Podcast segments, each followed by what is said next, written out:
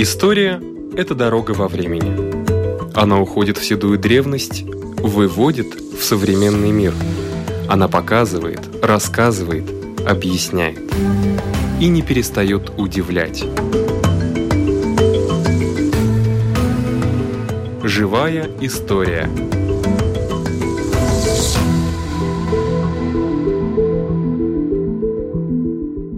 У микрофона Лидия Чера.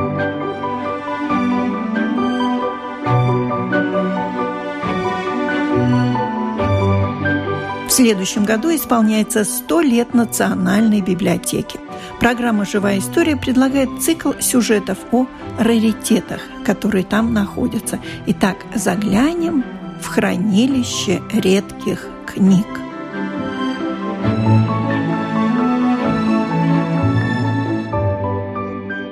Историк Мартин Шмейнтаурс 1 января – это время чудес, время сказок, я бы сказала. Наверное, поэтому мы в Национальной библиотеке заглянули в отдел сказок, книг, которые посвящены детям. А кто в детстве не любил читать сказки – Мартин, вы да. тоже любили. Да, ну, конечно, все, наверное, любили читать сказки, и сказки, конечно, с возрастом не проходят. Они, может быть, видоизменяются каким-то образом, но эта потребность к сказке сохраняется. Это романтизм какой-то, вера в чудо. Да, романтизм, вера в чудо, и, конечно, всем хотелось бы или хочется время от времени, чтобы жизнь шла по-другому, нежели чем она идет в такой обыходной ситуации. И, конечно, сказки этому способствуют и помогают найти и что-то новое, новый подход к ежедневным таким делам и всем заботам, которыми человек занимается. Поэтому в Латвийской национальной библиотеке, как и во всех больших государственных библиотеках мира, существует специальный отдел. У нас он называется Центр детской литературы, находится на седьмом этаже, на седьмом небе, и который, конечно, посвящен детской литературе и в том числе и сказкам.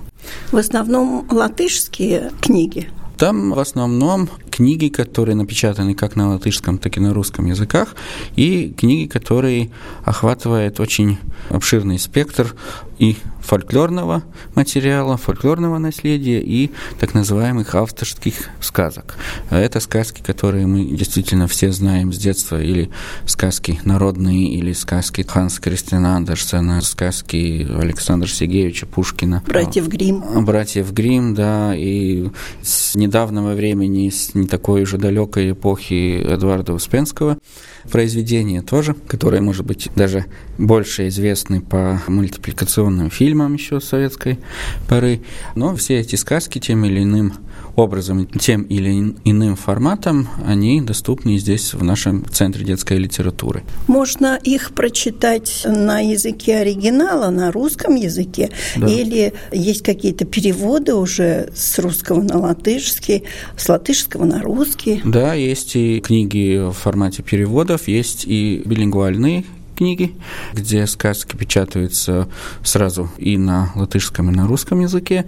И, конечно, есть переводы, в том числе переводы на русский язык мировой сказочной литературы, мировой сказочной классики, тех же братьев Грим или Андерсона. Не так давно послом Украины в Латвии был Рауль Челачава, и он перевел с грузинского на русский и на латышский «Витязя в тигровой шкуре». Я помню, была на презентации такой книги. Очень любопытное издание. Конечно, я не знаю грузинского, но сравнить можно, по крайней мере, можно понять, о чем идет речь, когда читаешь русский перевод да. или латышский.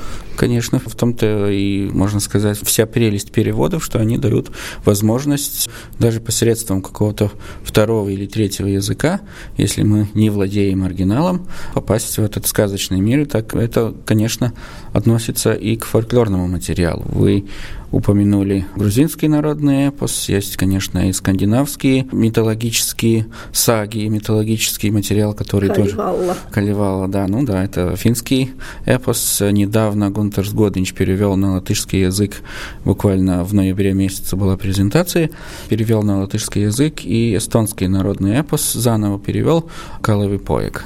Так что это тоже постепенно к нам все сходится, но, конечно, на эпосах можно по-разному посмотреть, потому что, с одной стороны, это, конечно, тоже сказка, это тот же фольклорный мотив, который в основе, или, как писал Андрей Спумпурс в своем предисловии к Лачпласису, то это тоже литературное произведение, которое основывается на народных сказок и легендах. Так что эпос тоже такой промежуточный вариант между сказкой истинно народной и литературно уже обрабатыванным материалом, который уже передается посредством какого-нибудь автора. Кстати, тот же самый Андрей Спумпурс хороший пример тому, что не обязательно быть профессиональному литератору, чтобы взяться за сказки, потому что Андрей Спумпурс не был писателем по своему роду деятельности или образованию. Он получил военное образование, в царское время служил в царской армии в XIX веке, но, несмотря на все эти обстоятельства, он тоже, сказка дает возможность подойти ближе к этому рассказу, который может быть интересен публике, может быть интересен в первую очередь, конечно, детям, но не только детям, потому что, как мы уже в начале разговора отметили, что этот сказочный сюжет нужен и взрослому человеку. И не только как развлечение или как отдых после какого-то напряженного трудового дня или, или что-то в этом роде, но сказка присутствует в человеческой психологии всегда. Она может быть более ярко выражается эта потребность к сказке именно в детстве, когда это считается необходимым, чтобы ребенок рос и развивался, и развел в себе тоже и эмоциональные чувства, и чувство сострадания, чувство понимания, что то, что вокруг тебя все в той или иной мере живое, и что мир требует к себе тоже такого же бережного отношения, как юный человек требует от мира по отношению к самому себе. Мир тоже живая среда, в которой ты находишься. Это все, конечно, актуально не только детям, но это актуально и взрослому человеку.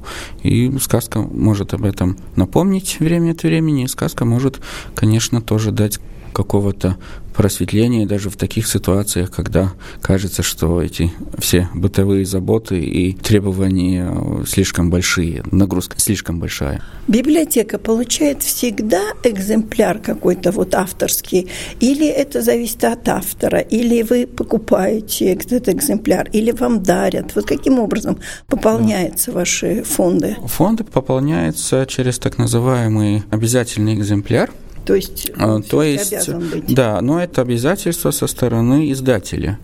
Не со стороны автора. Автор может, конечно, свою книгу с дарственной надписью нам подарить, и мы будем, конечно, всегда рады такому случаю. Но это обязательство издателя, который печатает то или иное произведение, и это как школьные книги по образованию, как э, билетристика, как научное издание, издание по истории искусства и так далее, и так далее. А все это должно попадать через издателя к нам в Национальную библиотеку. И за этим тоже следят сотрудники Национальной библиотеки, за тем, что у нас печатается, и если какое-то издание известно, что оно появилось, но оно еще к нам не поступило, ну тогда наша забота уже найти контакт с издателем или с распространителем этой книги или издания, и чтобы у нас попал каждый экземпляр из каждой книги, которая выходит в свет на территории Латвии. Это новые книги. А что касается, вот, например, моей библиотеки, у меня очень много, например, предположим, много сказок, которые остались в приличном состоянии со времен моего детства. Там и туркменские, там и казахские эпосы, и легенды исландские. Всех не могу упомянуть. Я могу, например, предложить библиотеке взять эти книги, и какой существует отбор вот тех же самых сказок, например? Да. Отбор, в принципе, существует по одному признаку. Имеется ли у нас в фондах уже такая книга? Имеется ли она в нескольких экземплярах? Какого качества эти экземпляры, которые уже имеются в фондах Национальной библиотеки и есть, конечно, еще такая возможность, что то, что у нас называется народная книжная полка. Это то, что каждый посетитель библиотеки может увидеть, когда вы входите в здание Национальной библиотеки на первом этаже, подходя к регистратуре, к нашим девочкам, которые ожидают посетителя и направляют по истинному пути на этажи и на читательские залы, то там каждый человек, который входит э, в здание Национальной библиотеки, он может увидеть эту огромную народную книжную полку, на которой как раз покоятся те книги, которые были подарены людьми Национальной библиотеки с каким-то сопутствующим рассказом. То есть, когда библиотека переезжала на новое здание, уже несколько лет тому назад, тогда проводилась такая акция, что каждый мог принести из своей семьи книгу, которую он хотел бы оставить на память Национальной библиотеки, и, конечно, и можно что-то написать в этой книге по этому случаю. Я хочу, чтобы эта книга попала к вам именно по такому-то поводу. Это касается абсолютно всех книг, в том числе и каких-то изданий сказок, которые, может быть, нам дороги, как раз, как вы сказали, из детства, которые сохранились, и эта книга, может быть, и пострадала по времени в жизни. Тем не менее, она дорога тому человеку, который эту книгу принес к нам. И эти книги как раз попадают в эту отдельную народную книжную полку и будут там сохраняться как своего рода памятник. Но это была одноразовая акция. Нет, книжная полка открыта, и можно... Ну, можно э, даже сейчас приносить да, свою да, книжку, да. которая, значит, возьму свои любимые сказки и принесу вам на книжную полку. У нас, наверное, она очень длинная. Пойду, когда буду выходить, ну, посмотрю. Да, на высоте всего здания до седьмого этажа. И это тоже сказка. Это тоже своего рода сказка. Ну, вообще-то, издание Национальной библиотеки тоже каким-то образом связано с эстонской сказкой, которая легла в основу пьесы Райниса «Золотой конь». Этот образ Национальной библиотеки как э, стеклянной горы, он как раз тоже позаимствован из этой пьесы Райниса. А наверху это корона? на здание? Наверху это смотровая площадка, которая напоминает э, корону. Ну да, это тоже такое толкование, которое может со временем и приживется, потому что, ну, если опять-таки смотреть по тексту сказки и пьесы, то, конечно, на вершине этой стеклянной горы находилась принцесса, которую надо было спасти. Так что корона совсем уместна там. Ну, спасибо, сказочник. В роли сказочника был историк Мартин Чмейнтаурс.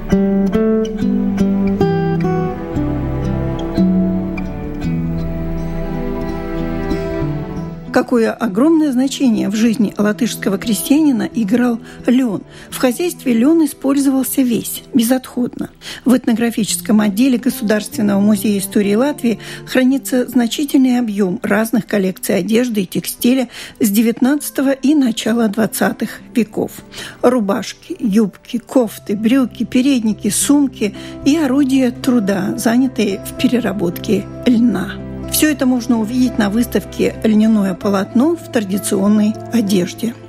Одежда из натуральных материалов, разве это не актуально сегодня?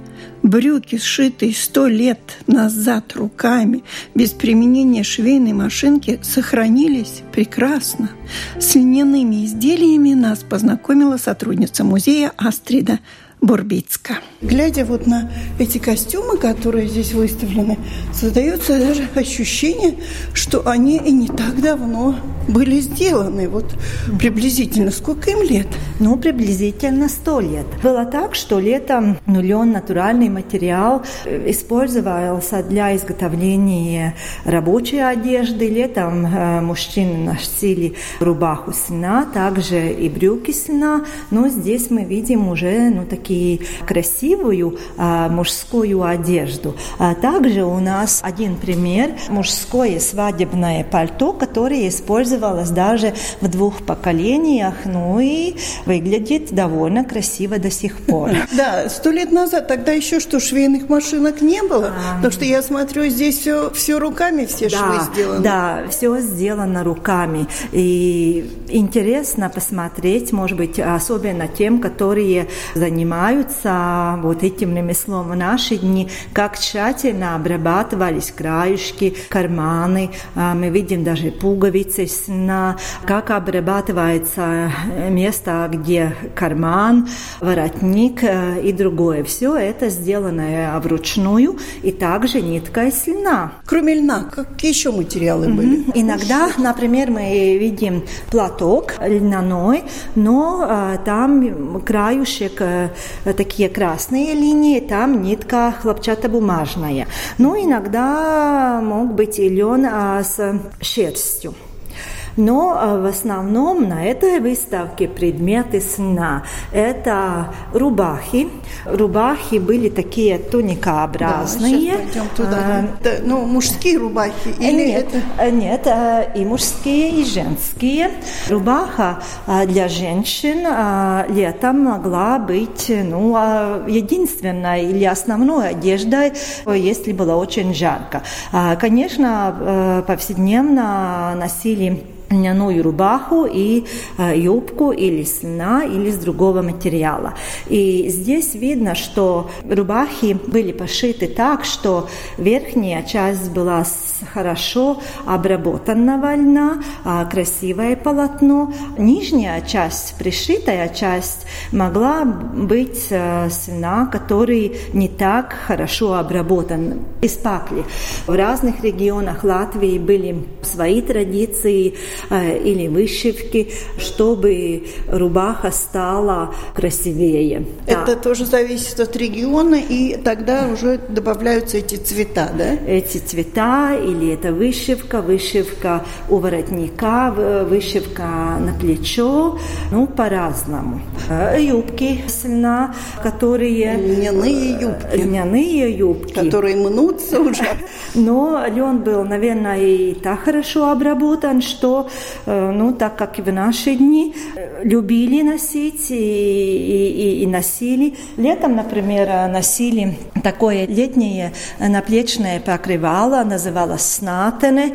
Покрывали плечо, когда шли, может быть, в гости, в церковь. Тоже разные виды. Они были разукрашены или кружевами или бахромой тоже красиво пополняли традиционную одежду. Красивые носки, красивые перчатки, вязаные также с льна. Из льняной ниточки, Из да? Льняной ниточки, да. Красивые передники, которые ну, тоже хранятся в фондах Национального музея истории Латвии, ну и рассказывают о навыках, которые были у женщин в то время, потому что все это сделано вручную дома. Например, еще и носовые платки красивые носовые да, платки. И подарок. И, и подарок. И, наверное, мы можем сказать, что аксессуар, потому что некоторые носовые платки хранятся как новые. Они, наверное, и реально не использовались, но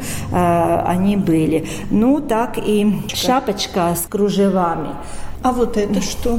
Это, пример вышивки, это, манж... я понимаю, это, это манжеты. Э, э, красивые вышитые uh-huh. манжеты, которые также пополняли, украшали рубаху женщин. Очень это красивые аусиклы, да. да, разные такие вот эти орнаменты. Про все это узнать нам помогают фотографии, которые сняты в экспедициях правления памятников в 20-30-е годы 20 века где а, мы можем посмотреть, как одевались, начиная с маленьких детей. И есть пара фотографий, где видно, что младшие дети летом носили только льняные рубахи. Тогда, когда они повзрослели. И мальчики, и девочки. И, и мальчики, и девочки а, носили льняные рубахи. Но когда они повзрослели, тогда получали свои первые брюки и первые юбки.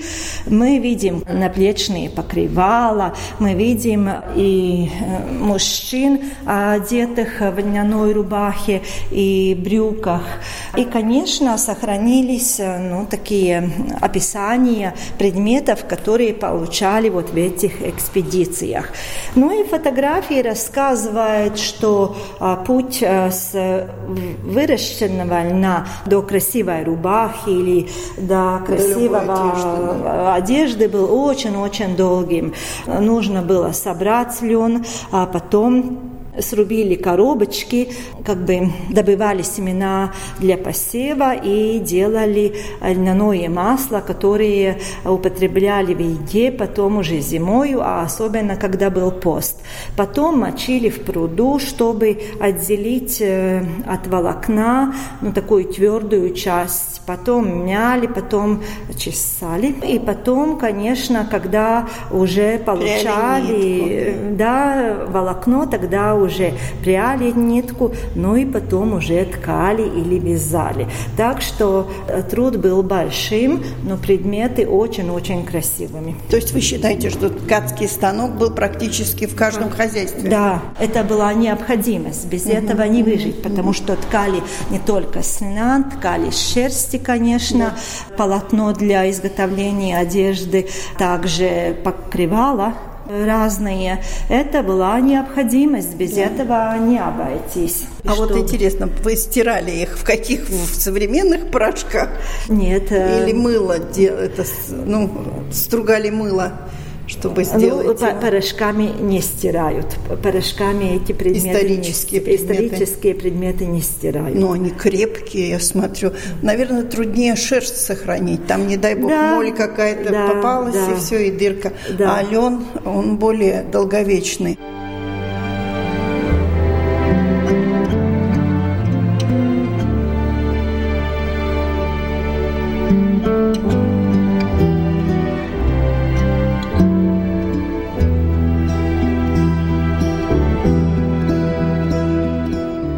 Несказанно повезло, потому что в этот момент на выставку заглянула ведущий исследователь Института истории Латвии при Латвийском университете Анетта Янсона и согласилась своим профессиональным взглядом оценить то, мимо чего, возможно, мы прошли. Лен очень-очень важная часть национального костюма и национальной одежды как таковой, часть истории одежды, потому что лен этот местный ресурс для да. одежды и использовалась очень-очень долго очень хорошее качество, очень высокое качество. То, что увидел, наверное, простой зритель, да. что это узорчатая ткань. И это лен, тоже сложно, да. Э, э, что там разные узоры тканые, так что это э, ну, не такая простая ежедневная одежда, но э, то э, лен очень хороший материал, потому что со временем он становится все более хороший, он э, более, более блестящий, мягкий, более, мягкий и более блестящий становится.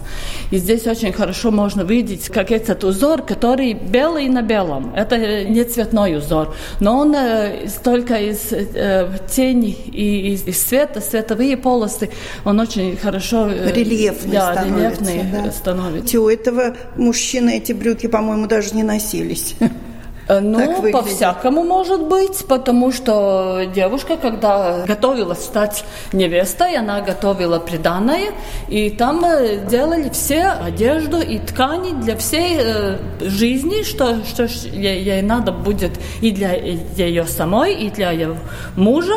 И, и даже ну, мужу делали приданное? Да, ну, чтобы, чтобы она могла начать новую жизнь со всеми ну, нужными вещами.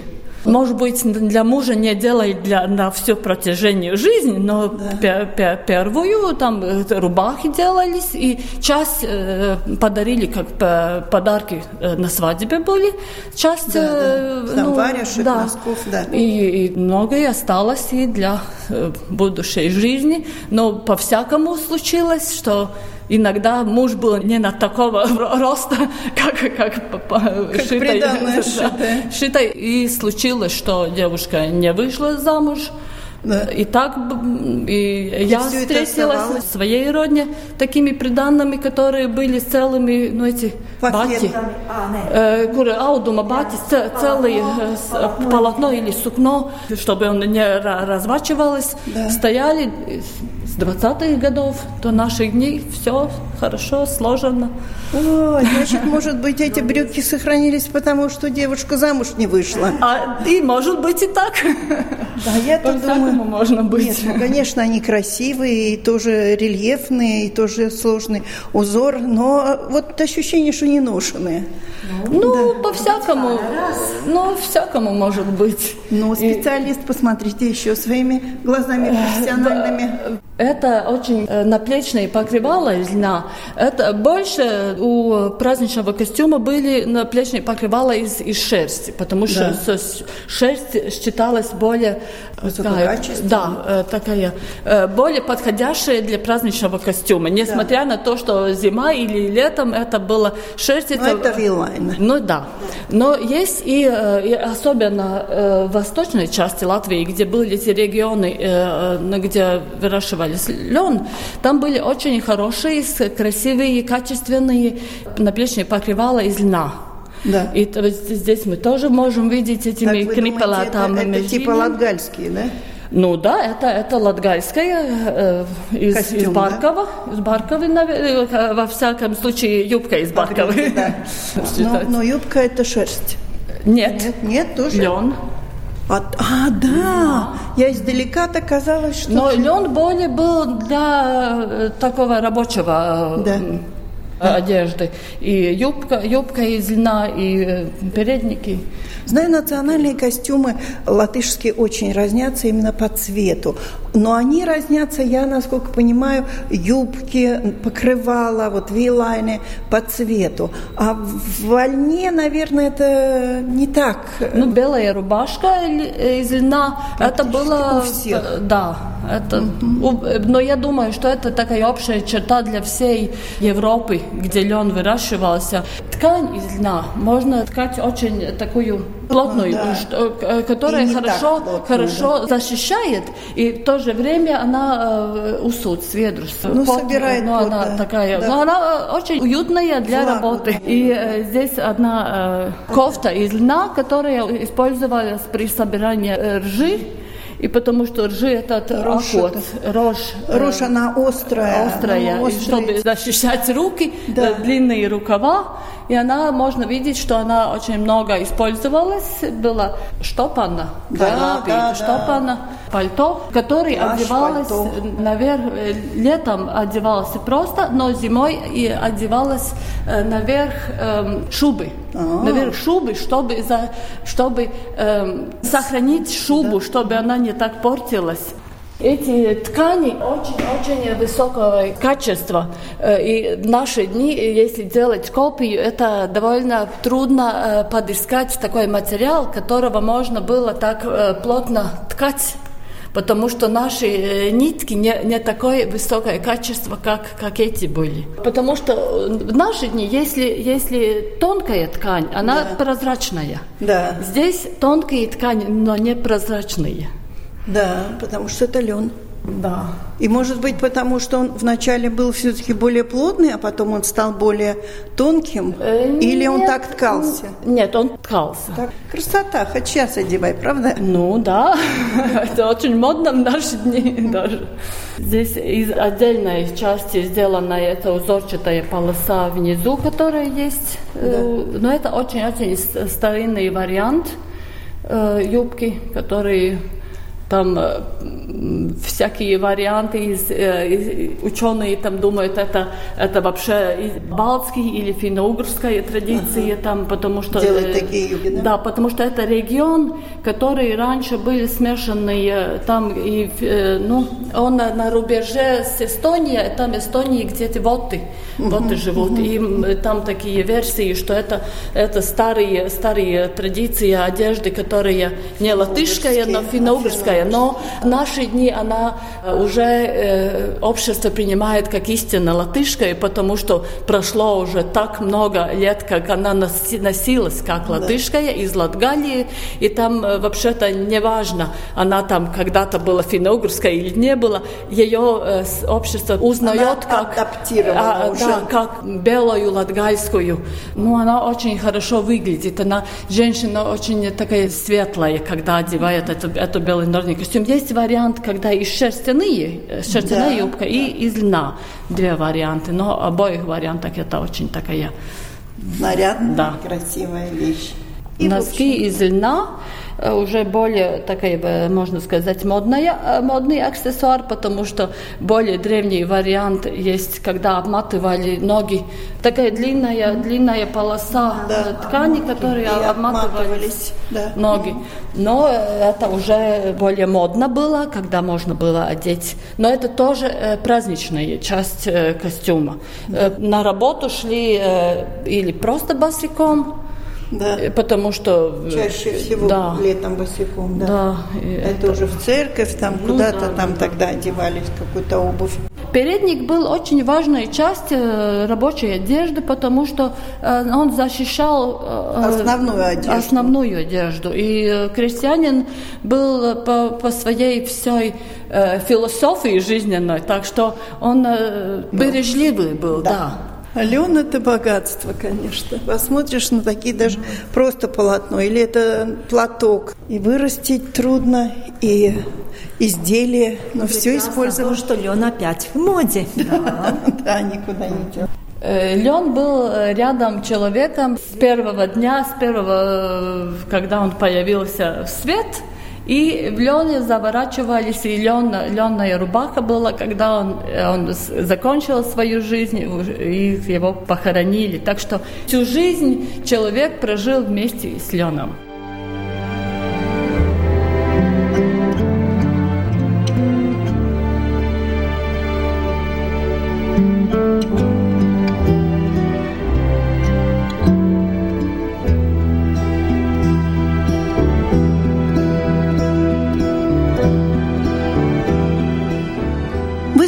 Продлится до марта следующего года, а наша передача заканчивается. Всего вам доброго!